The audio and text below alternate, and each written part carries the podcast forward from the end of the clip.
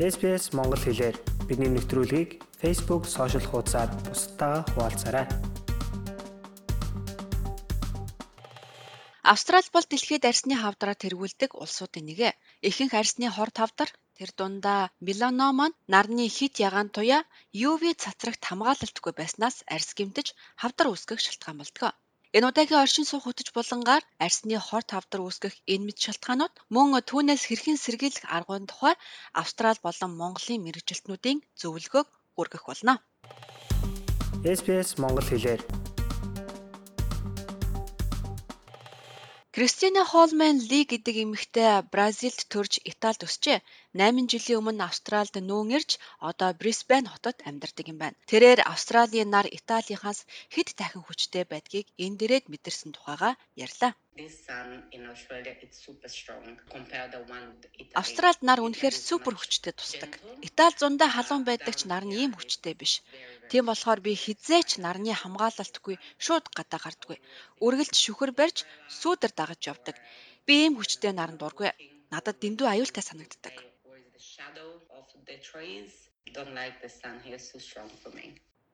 Австрали бол дэлхийд арсны хавдраар тэргүүлдэг улсуудын нэг.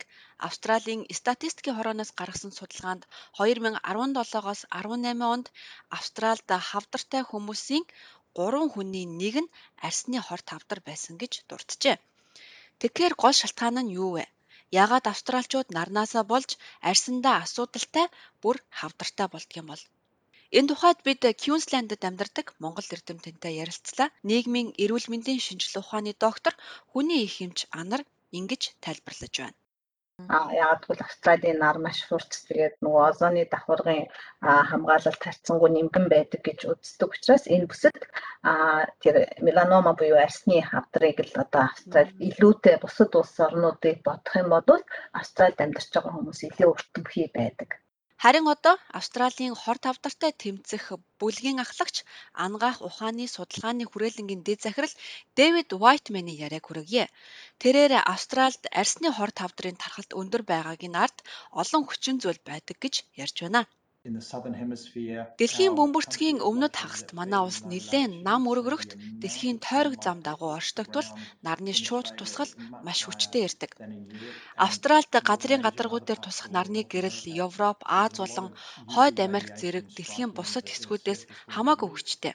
Тиймээс бидний амьдарч байгаа газрын газаргууд дээр хит ягаан туяаны цацраг маш их ирдэг гэсэн үг юм а. Түүний хэлж байгаагаар австралчуудын ихэнх нь энэ нөхцөл байдал зохицоогүй арсны бүтцтэй хүмүүс байдаг гинэ. Австралчуудын ихэнх нь Европ гаралтай хүмүүс. Нарны гэрэлд өөрчлөгдөөгүй цайвар шар арстай байдаг нь энэ наранд амархан гэмтэж хавдар үүсгэх шалтгаан болдог юм а. Харин одоо бид Сидней хотын арсны хор тавдрын магадлан итгэмжлэгдсэн GP-гийн эмч Ахмед Хасайны яриаг хүргье. Тэрээр нарны хит ягаан туяанд байнга өртгөн арсны ДНХ гэмтээдэг хэмээн тайлбарлаж байна. Хит ягаан туяа арсан дээр тусахад арсны хамгийн өнгөц эсийн ДНХ өөрчлөгдөж эхэлдэг. Бид арсны 1 за хамгийн ихдээ 2 мм-ийн гүний тухай ярьж байна. Ингээд өдрөөс өдөрт, жилээс жилд хор тавдрын эсүүд хөгжиж эхэлдэг. Энэ нь хор тавдрын үндэс болох хөнгөн хэлбэрийн хор тавдар цаашлаад дунд болон амь насанд аюултай хавдар үүсгэх шалтгаан болдог юм а. Хэрвээ энэ гэмтлийг арьс өөрөө нөхөн төлжиж сэргээж чадахгүй дахин дахин гэмтсээр байвал алдаатай болсон эсүүд хуваагдаж эхэлдэг. Энэ хуваагдсан олон эсүүд өссөөр хавдрын эсийг үсгдэг юм байна. Австральд зуны жирийн нэг өдөр ч хит ягаан туяа өндөр байдаг учраас хамгаалалтгүй явах нь эс гэмтэж хавдар үүсэх шалтгаан болдог гэсэн үг юм а.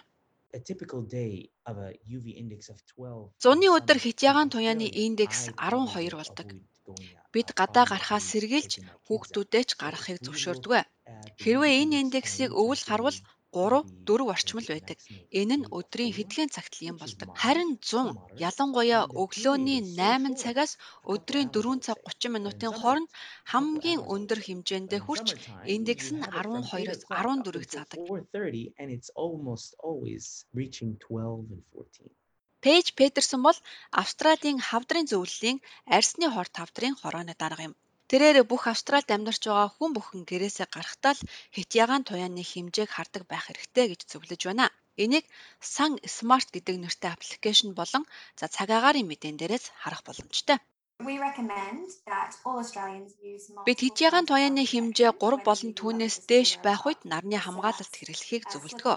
Энэ үед биеийн хэсгүүдэд аль болох ил гаргахааргүй ханцуутай цамц урт өмд өмсөх хэрэгтэй нарны тос түрхээрээ. Энэ тос нь 30 юм уу түүнээс дээш SPA-тэй байвал зүгээр. Усанд төсвөртэй нарны тосыг сонгоорой. За тэгээд толгой, нүүр, чих, хүзүүгээ далдлах үйц том хүрээтэй малгай өмсөөрэй.